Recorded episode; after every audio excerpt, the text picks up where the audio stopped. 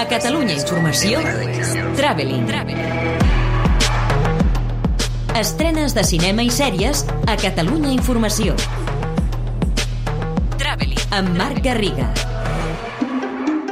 Tenemos mucho que celebrar, que gracias a vosotros hoy somos finalistas del premio que da el gobierno regional a la excelencia empresarial. Aquesta setmana s'estrena El buen patrón, la recentment seleccionada com a candidata de l'Acadèmia Espanyola als Oscars, una grandíssima comèdia sobre el món laboral que ve a ser la cara B d'aquella Los lunes al sol, on també coincidien Fernando León de Aranoa darrere la càmera i Javier Bardem al davant, que fa, per cert, una actuació memorable digna de tots els premis. Ell és el patrón, el propietari d'una empresa de balances que frisa per aconseguir un premi a l'excel·lència, un guardó pel que farà el que sigui, com l'actor explicava amb humor al Festival de Sant Sebastià. La mente enferma es la de Fernando, quiero decir. Yo solamente he ejecutado lo que estaba escrito. Yo siempre llegaba al rodaje y le decía, pero Fernando, este hombre no puede hacer eso. No, que me lo ha pasado muy bien. Ayer vi a, a, todo el elenco de grandísimos actores y actrices que hacen esta película y lo primero que me salió fue, mira, todas mis víctimas. Es que todas han sido víctimas de este, de este señor. Comèdia tan negra que espanta, una sàtira brillant de la que no se salva absolutament ningú. Lady, we should be out there snacking on bad guys. També arriben a la cartellera la innecessària segona part de Venom, Abra Matanza, amb Tom Hardy un altre cop en la pell d'aquest ésser insaciable i al mateix temps insuportable, juntament amb el seu rival, un Woody Harrelson desbocat. Un homenatge al cinema de la mà del xinès Zhang Yimou, un segundo, una vella història de persistència, no del tot reeixida, però que els amants de Cinema Paradiso valoraran prou bé, un retrat honest del món del porno, la sueca Pleasure, i en català arriben el drama francès Tokyo Shaking, centrat en el desastre de Fukushima, i el film d'animació infantil noruec Dos col·legues i la gran bèstia.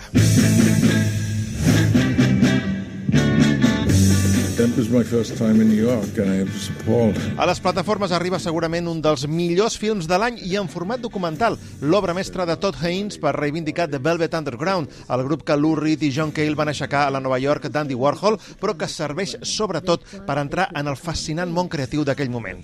Des de divendres 15 disponible a Apple TV+. Altres films destacats que arriben aquests dies són El asesinato de dos amantes, a Filmin, un drama matrimonial que ha triomfat en el món indie, Calle de la Humanidad 8 a Netflix, la nova comèdia de Danny Boone, el de Bienvenidos al Norte, que aquí riu d'una comunitat de veïns que es coneix gràcies al confinament, i Bestsellers a Movistar Plus, Filmin i Rakuten, una comèdia dramàtica sobre bellesa i literatura protagonitzada per Michael Caine. Les plataformes, però, també ofereixen un renovat menú per als amants del fantàstic i el terror que no s'hagin pogut acostar al Festival de Sitges. Per començar, a Netflix eh, trobem una comèdia salvatge, El viaje, on un matrimoni vol assassinar-se mútuament, però que haurà de fer front a un perill imminent molt més gran. Un film que té el privilegi de no decaure en cap moment i mantenir sempre un magnífic bon humor amb tocs de thriller sagnant. La seva protagonista és Numi Rapaz, la Lisbeth Salander de la saga Millennium, que defensava a Sitges el seu personatge a Catalunya Informació. Les dones guanyem sempre. Us deixem pensar que guanyeu vosaltres, però al final som nosaltres. Ara, seriosament, el meu personatge pot inspirar les noies, encara que no és una bona persona. És molt vanitosa i egocèntrica i mai diria que és un model a seguir, però m'encanta perquè s'hi torna i mai es rendeix. I això ho pots traslladar a qualsevol situació de la teva vida, no importa contra què lluitis, segueix lluitant pel que creguis important. En aquest cas és la seva vida. Directes des de Sitges també arriben a Movistar Plus dues cintes de suspens amb homes llop, Cazador contra Cazador i Bloodthirsty. I a diverses plataformes, Ted Bundy en la mente de l'assassino, que es basa en les converses d'un analista de l'FBI, interpretat per Elijah Wood, amb el famós assassí en sèrie. Graduation. I told you I was going. I had to drive a dad.